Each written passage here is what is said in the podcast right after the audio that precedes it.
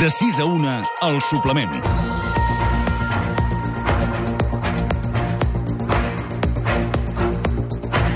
Dimarts va arrencar el primer judici a Espanya per un dels casos de nadons robats. El doctor Eduardo Vela, que ara té 85 anys, està acusat de sostracció d'infants i falsedat documental durant la seva etapa com a director de la clínica Sant Ramon de Madrid. Dimecres, però, el judici s'ha de suspendre temporalment perquè Eduardo Vela va ser ingressat a urgències. Aquest cas és només la punta de l'iceberg, ja que es calcula que entre els anys 60 i 90 al voltant de 3.000 nens van ser robats de les seves mares biològiques per donar-los en adopció sense consentiment. Isabel Gil, mare a qui li van robar un fill. Bon dia. Bon dia. Com estàs? Sí, molt bé. I Ana Páez, mare a qui van robar una filla i secretària de SOS Bebés Robados Barcelona. Bon dia, com estàs, també? Bon dia. Primer de tot, moltes, moltes gràcies per ser avui aquí al suplement. Sé que és un tema que deu costar de parlar-ne, però, però a la vegada no? fer-ho també deu ser uh, molt, molt positiu, al final, per vosaltres. I comencem, deixeu-me que us comenci preguntant per aquest judici, que de moment s'ha suspès perquè sembla que Eduardo Vela l'han hagut d'ingressar a urgències. Què n'espereu? Bueno, esperar no esperem res, almenys que se sàpiga el que, lo que, lo que ha passat aquí a Espanya. Perquè eh, realment no té res a veure amb nosaltres. Això ha passat a Madrid, nosaltres estem a Barcelona. O sigui, eh, hi ha casos a tot arreu d'Espanya. I això és un cas que, que ha començat i esperem, esperem que d'alguna manera es pugui treure tota la, tota la veritat que hi ha però a, a tota la resta d'Espanya. És el primer judici, per això, sobre casos de nadons robats. Sí, sí, sí. Sí, és el primer judici... Bueno, de nadons robats no, és el primer metge que està encausat, perquè eh, s'oblida que el primer cas va ser d'una eh, adoptada que va tenir el fatal error de dir un nom de, que estava als seus papers i la va denunciar una monja la va denunciar. I aquest ha sigut el primer judici sobre nadons robat. Això és el metge. Per això, a seure Eduardo Vela al seient dels acusats, creieu que és una victòria per això col·lectiva, ja? Sí, Només el fet de que s'hi assegui? Sí, perquè nosaltres el que esperàvem d'aquest judici és que sentés un, una jurisprudència. Un precedent, sí. Sí, que ens pogués obrir la via a, tot, a tots els afectats. Però per què hi ha hagut tants casos que s'han arxivat i fins al 2018 no n'ha arribat un als jutjats? Com és?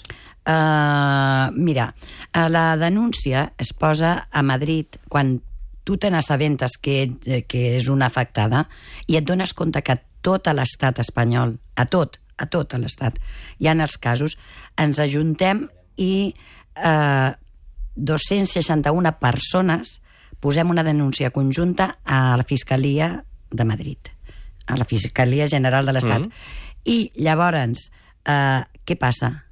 Que volem que tot s'esbrini des de, des de a, a, a l'estat, al centre, mm. i no, ens deriven a cadascú al, a, a la seva província. Jo crec que és un divide venceràs.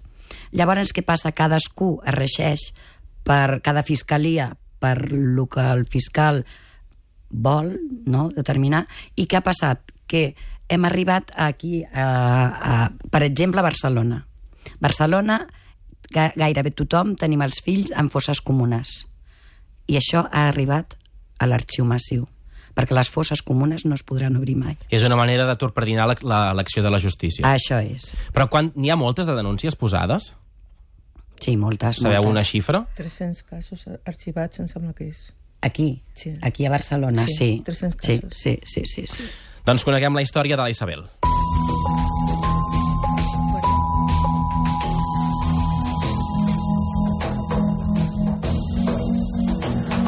Isabel, tu vas tenir un fill als 20 anys a la Mútua de Terrassa i era l'any 1978. Exacte. El part va anar bé? Sí, sí, bé, perfecte. I què vas notar? Qui- Quina va ser la primera cosa estranya després del parc que et va fer semblar que, que alguna cosa no anava bé? Bueno, la primera cosa, realment, jo no vaig notar quasi bé res. O sigui, jo vaig tindre el nen i, bueno, el nen va pesar quasi 4 quilos. Jo me'l portaven per donar-li el pit cada 3 hores. Sí que és veritat que el, el dia següent, quan ja tens el- la llet i de més, va vindre una infermera o puricultora i em va dir si em podia treure llet per un altre nen que havia nascut i estava malalt. Jo li vaig dir que cap problema, que, que, bueno, que si jo tenia per tots dos, pues que cap problema, que em traien Jo li donava el meu i després venien amb una màquina i em treien la llet. Mm, Jo no tenia per què pensar, va ser després, perquè diu, si hi ha lle- llets maternes, no, no cal, però bueno, és igual, jo m'ho van demanar. I, bueno, tot va anar bé, vaig estar quatre dies, el nen se l'emportaven per dormir, l'endemà te la tornaven a emportar, li donaves el pit i tot normal. Tot normal fins que al cap de quatre dies, com deies, la nit abans que et donessin l'alta, truquen al teu marit de matinada. Exactament. Què li van dir? Bueno, que tenia un malalt que estava molt greu a l'hospital. No li van dir si es tractava de mi, es tractava del nen, que anés corrent perquè estava molt greu. Ell va arribar plorant, perquè, clar, tot espantat a aquesta hora de la matinada, però, clar, com que era el dia que jo marxava d'alta, més aviat pensava que igual estava neguitós, nerviós, no havia pogut dormir. Dic, això és que has tingut una pesadilla. Inclús li vaig dir, seu aquí, tranquil·litza't, que veuràs que no res. Perquè el nen no el teníeu a l'habitació en aquell moment. No, no, no, se l'emportaven per dormir. Al vespre se l'emportaven i després te'l portaven per donar-li el pit. I bueno, va ser aleshores quan venia ja el metge i les, les enfermeres per dir-nos que el nen s'havia mort. A mi no m'havien dit res fins que no va arribar ell. Devíeu entrar en un estat de xoc, Sí, llavors. exactament. Va ser horrible, horrible perquè no ho entenies. O sigui, si un nen ja neix malament, tu ja et fas pots pensar qualsevol cosa, però un nen que tu que, que estava sa, que menjava normal i que, que tu te'n anaves a casa, o sigui, que, és que te'n anaves d'alta. No ho entenia. A més a més, l'explicació, pues, una muerte blanca. Jo no sé el que volia dir, una muerte blanca o una mort súbita. bueno, Mhm. sí, Mort una mort sí, súbita, sí. però bueno, a veure, no sé, en, en aquell moment jo vaig estar, en- vaig entrar en un estat de xoc i no vaig, no tenia res. I us el van deixar veure, el nen? Eh, sí, sí, el meu marit va baixar a veure'l, però sí que és veritat que quan tu, en un estat com estava ell, baixes i t'ensenyen un nen, tu no saps el que veus. Primer perquè no el coneixes, perquè tu en, en tres dies, amb un nen que s'assemblen tots, ets incapaç de, de, de veure... Pots una mare, sí, però el pare pot ser, no sé, i amb aquest estrat, ell realment no sap. Pensa, ell pensava que sí, que era. Perquè no, no, res et fa pensar que t'hagin pogut enganyar. No, és que en aquell moment, mm, en aquella època, quan parlava un metge és com un déu. Tu no tenies per què dubtar. Tu ignores la situació. A tu t'han dit, s'ha mort, mm, te sembla estrany, però dius, bueno, pues, sí, serà veritat. Veu demanar per això fer l'autòpsia? Sí. Aquesta infermera que t'he dit que quan venia cada dia, pues això que parles i de més, i com que jo vaig tindre de quedar-me un dia més ingressada, perquè ja t'he dit que estava bastant malament, pues la, va vindre l'infermera aquesta i em va dir, diu, mira Isabel, diu, el millor seria que demanessis l'autòpsia, perquè com que és el teu primer fill, possiblement, si és un problema genètic, almenys sapigué de què ha mort. Diu, perquè Clar. sí, no saps de què ha mort. Li vaig dir que sí que diguessi al metge que vingués a parlar, que sí que volia demanar l'autòpsia. El metge va vindre, exactament, se va asseure allà al costat meu i em va dir, diu, mira, Isabel, diu, en aquests casos no val la pena, diu, perquè surt nula. L'autòpsia no surt res. Diu, no val la pena de, de, de fer tot el procediment i de més, diu, augurir-lo. Què passa? Que tu quan estàs tan tocada dius, bueno, pues el metge ha dit això, mira, millor que no. Millor que no. Deixem-ho estar i avancem i... Exactament. Jo ho vaig demanar i em van dir, o sigui, em van convèncer per no fer l'autòpsia. Tot va canviar per això quan una de les teves filles va decidir investigar la mort del teu suposat fill. Sí, perquè Com és? Què va fer? Mm, Bueno, es, va, es veu que a través d'internet pues va, va, connect, va contactar amb l'associació i amb una noia de Terrassa que és un de la mateix, o sigui, el mateix cas del mate, el mateix hospital pues va parlar amb ella i quan li va explicar el cas li va dir pues, que, que tenia la pinta de que fos un nen robat i ella va insistir moltíssim clar, nosaltres realment vam dir no, ja hem patit, ja, ja vam plorar no val la pena, és que ja, ja el vam enterrar ja el vam enterrar i ella insistia, insistia, i al final vam decidir pues, que ella no es quedés amb aquesta angoixa de Angoixa, dir sí. si els meus pares no volen buscar aquest nen. I vam dir, bueno, mira, sí que val cèntims, però tirem endavant a veure què passa. I el que veu fer va ser exhumar el seu cos, fer-li una anàlisi, Exactament. i el resultat va ser que no era el teu Que fill. no era el meu fill. Jo, mm, si t'hi dic la veritat, tota l'espera que vam estar, jo pensava, ojalà que em diguin que sí, que sí, perquè jo vull oblidar-me d'aquest tema, a veure si ja ha mort, eh, que sí, que serà, perquè serà ell. Clar, la sorpresa va ser quan ens van dir que l'ADN no, no corresponia amb el nostre, o sigui, no, Era el meu fill. I heu pogut iniciar algun tipus de reclamació judicial, de, de judici, perquè el, la persona o les persones que us el van robar doncs, puguin pagar pel que van fer? Sí, vam fer, vam posar, jo em vaig posar en contacte amb l'associació, que em van ajudar moltíssim. Em van, em van acompanyar a Fiscalia a posar la denúncia. Hi ha una investigació. Es van tornar a fer les proves d'ADN a Madrid i, bueno, el resultat de les proves nos van dir no concluyente. Avui dia no sé el que vol dir no concluyente, però sí que hi ha tot un, tot un arxiu allà de, de papers d'investigació, perquè jo tinc la partida de naixement, tinc la part, el part de defunció, allà n'hi ha noms de metges, i jo he volgut inclús tindre l'historial i no ens van donar res. A dia d'avui van dir fins aquí hem arribat, no podem arribar més lluny. No concluyente. No,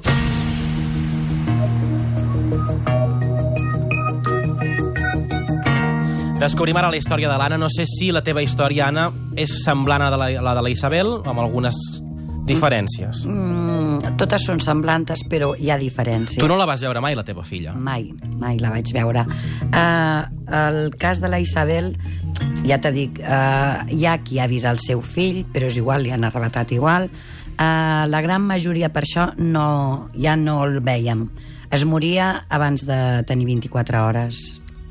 Això era l'any 1981, Sí. a la Vall d'Hebron. Sí. I què et va dir el metge, tu, després de parir? Uh, després de parir, uh, a part de que em van deixar tota sola, uh, amb una habitació, entra i textualment em va dir de 101 y te ha tocado. D'aquesta manera em van dir, no em van dir, vaig suposar que, que, que m'estava dient que s'havia mort. I a tu no et van posar mai el, el nadó, el teu fill, Mai. sobre del, Mai. del teu cos? Uh, jo era la primera vegada que tenia un fill, no tenia ni idea com era això, jo no sabia si tenia que veure la meva criatura o no, no la vaig veure. I al moment de l'expulsió de la criatura eren dos, dos senyores i un senyor, perquè mai se'n van identificar, suposo que era un metge, i dos matrones, van córrer, però ni un segon, per... jo a la criatura ni la vaig veure vaig amagar al costat meu i tot, va ser tot el que vaig em van deixar allà dintre sola com aproximadament mitja hora o així ens vaig calcular jo de nervis, d'angoixa de que està recient Nascuda, sí, sí. sí Fins que et van donar la notícia que ens deies. va entrar aquest metge i em va dir de 101 y te ha tocado I devíeu també demanar de veure el, el cadàver. Del... Jo, jo no, òbviament, jo no. Jo no La família. Sí.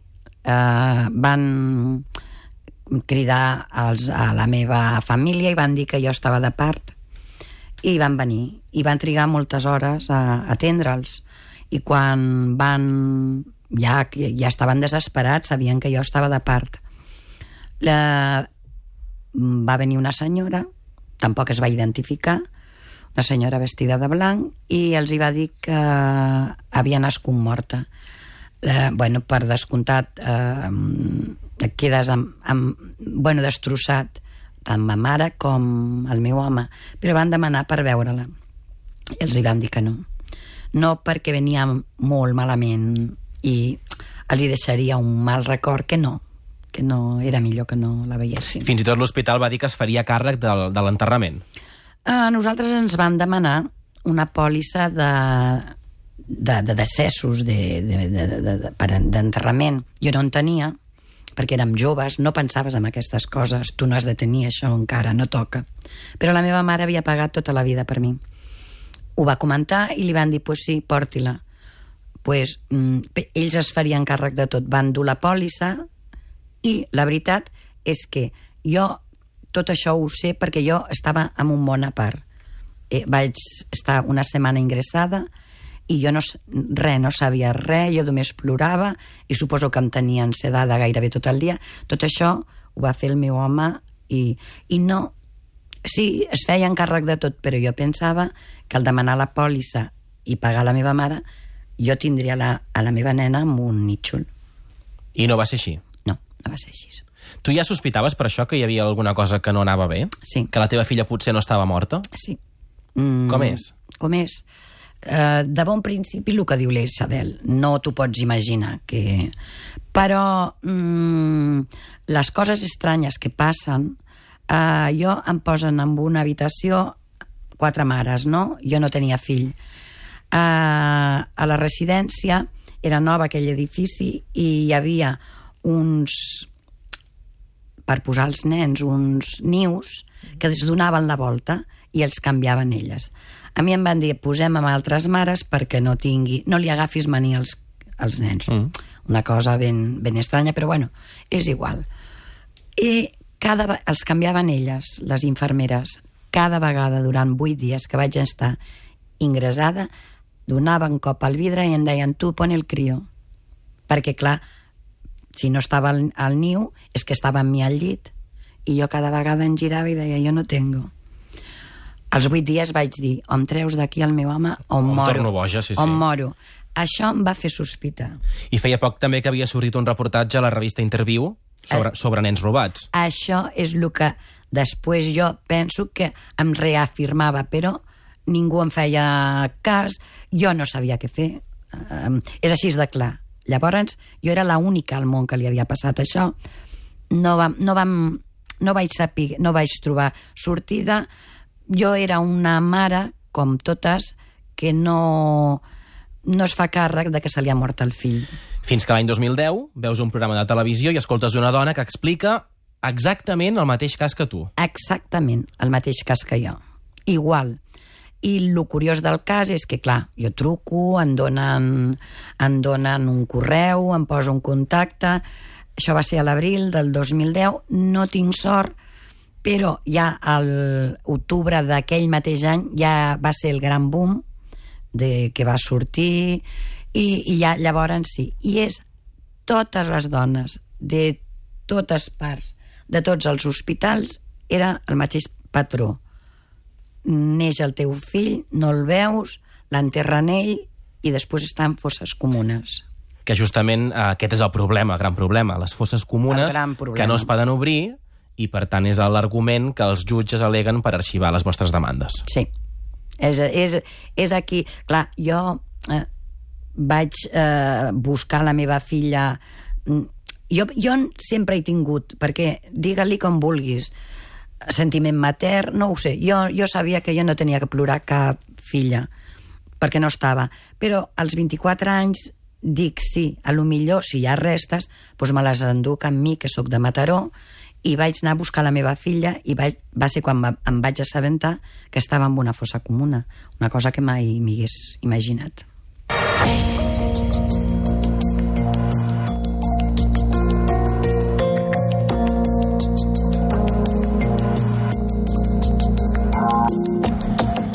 Us heu sentit soles durant tots aquests anys que heu passat des de que van robar-vos el, els vostres nadons? Sí, Sí, sí, sí, soles, totalment. soles i amb una mm, amb un sentiment de que no t'entén ningú. Qui creieu que hi ha al darrere? Diners, negoci. Una, una trama. Igual Trama, que hi ha, sí, trama una des- trama. Aquí hi ha algo que per lo que sigui tothom amaga, no podem treure eh, els informes de, del metge. Eh, jo, en el meu cas, una cosa que m'he oblidat és que jo volia saber com havia mort el meu fill, qui l'havia trobat. I em van parlar d'una infermera. I jo dic, bueno, i quina infermera és? I em van dir, no, és que ha tingut de marxar perquè s'ha posat malalta. Clar, faltava un nom. Clar, jo dic, jo vull saber, igual l'ha caigut, ha passat alguna cosa, però jo vull saber com ha mort. El Jaume Moy, a través del Twitter, ens diu que la creació d'una fiscalia que coordini les intervencions del Ministeri Públic a totes les causes eh, de l'estat espanyol seria imprescindible per fer justícia. Què en penseu? pues clar, pensem que fa falta un eh, met, eh, advocats, eh, mm, investigadors, un cos especial de tot que, que, que es, eh, sigui per nens robats. Perquè, per exemple, un advocat eh, t'ha de, defendre, de defensar, però és que et diu, d'això no sé res, s'ha d'especialitzar tot per lo dels nens robats. A dia d'avui teniu alguna esperança de recuperar o de trobar els vostres fills? No, jo realment no. Per mi mm, el que se sàpiga ja és molt important, perquè això és una cosa que l'hem patit durant molts anys, i és el que diu Anna, quasi bé no ho pots, no ho pots explicar perquè no t'entén ningú. O sigui, és com si estiguessis boig, és una experiència per tu que te'l guardes i, i estàs patint, perquè tu sempre tens aquest... Inclús quan comences a enterar-te de tot això, vas per al carrer, quan veus alguna, algun alguna persona que s'assembla a la fixes. família, bueno, és que no pots evitar, és que no pots dormir, inclús fas fotos i, i tu tornes a mirar, o sigui, vius en aquesta situació, però esperança, home, interiorment jo penso que no la perds. O sigui, no. jo t'hi dic que no, però realment és una cosa que no la perds. Perquè tu estàs convençuda de que el teu fill està por ahí. El que passa que té una família, tu ja no esperes res. Sapiguem, només sapiguer que tu no estaves boja, que això l'has viscut, que ell estarà bé, que té la seva fam- família, que té els seus pares, i que tu no esperes res, però almenys que es faci justícia. El problema és que els vostres fills no saben, no. segurament no saben que, Aquest que han és el- sigut adoptats o que han sigut robats, o diguem-ho com, com vulguem. Aquest No. és el gran problema. A mi em va dir el fiscal ja quan tancaven el cas, per dir-ho d'alguna manera, diu, segurament el teu cas va ser un canvi de cuna. Dic, "I això què vol dir? Diu, pues segurament al costat hi havia una senyora que entraria pensant que fent bé que estava, que estava embarassada, li van donar el teu fill, el van escriure com a fill biològic i ell mai sabrà que s'ha adoptat. Per lo tant, Per tant, aquí darrere, m'ho dèieu abans, hi ha diners. sí, i tant. És un negoci. Sabeu quan es podia pagar per un nadó? Sí, està investigat de, de tots els adoptats. Que més, el, a, a proporció de l'any que era, el valor d'un pis. El valor d'un pis. Sí. Sí. Voldríeu que us demanessin perdó als hospitals eh, on Sí. suposadament us van prendre el fill? A l'Estat ens tenia que demanar perdó per, a, per haver permès que passés això. Ja que ha passat, volem justícia, reparació i que no torni a passar això. I, i pa, què menys que si en, en, en institucions públiques ha passat això? pues demanar perdó. Isabel? Sí, sí, penso el mateix. O sigui, jo per mi, eh, realment el perdó no existeix. Per mi existeix el que n'hi hagin persones especialitzades en, en els nostres casos de que se, es pugui investigar, de que tu no et trobis que vas allà i com nos va passar a nosaltres, que vam anar a demanar una documentació i nos van dir que sí, i després nos van dir que, que no, que no ens donaven res per la protecció de dades. Que canvi alguna cosa. Isabel Gil, Anna Paez, moltíssimes, moltíssimes gràcies per ser avui al suplement, explicar-nos la vostra història i denunciar-ho. Gràcies a vosaltres. Gràcies, per Gràcies ser-hi. a vosaltres. Molta sort. Fins aviat.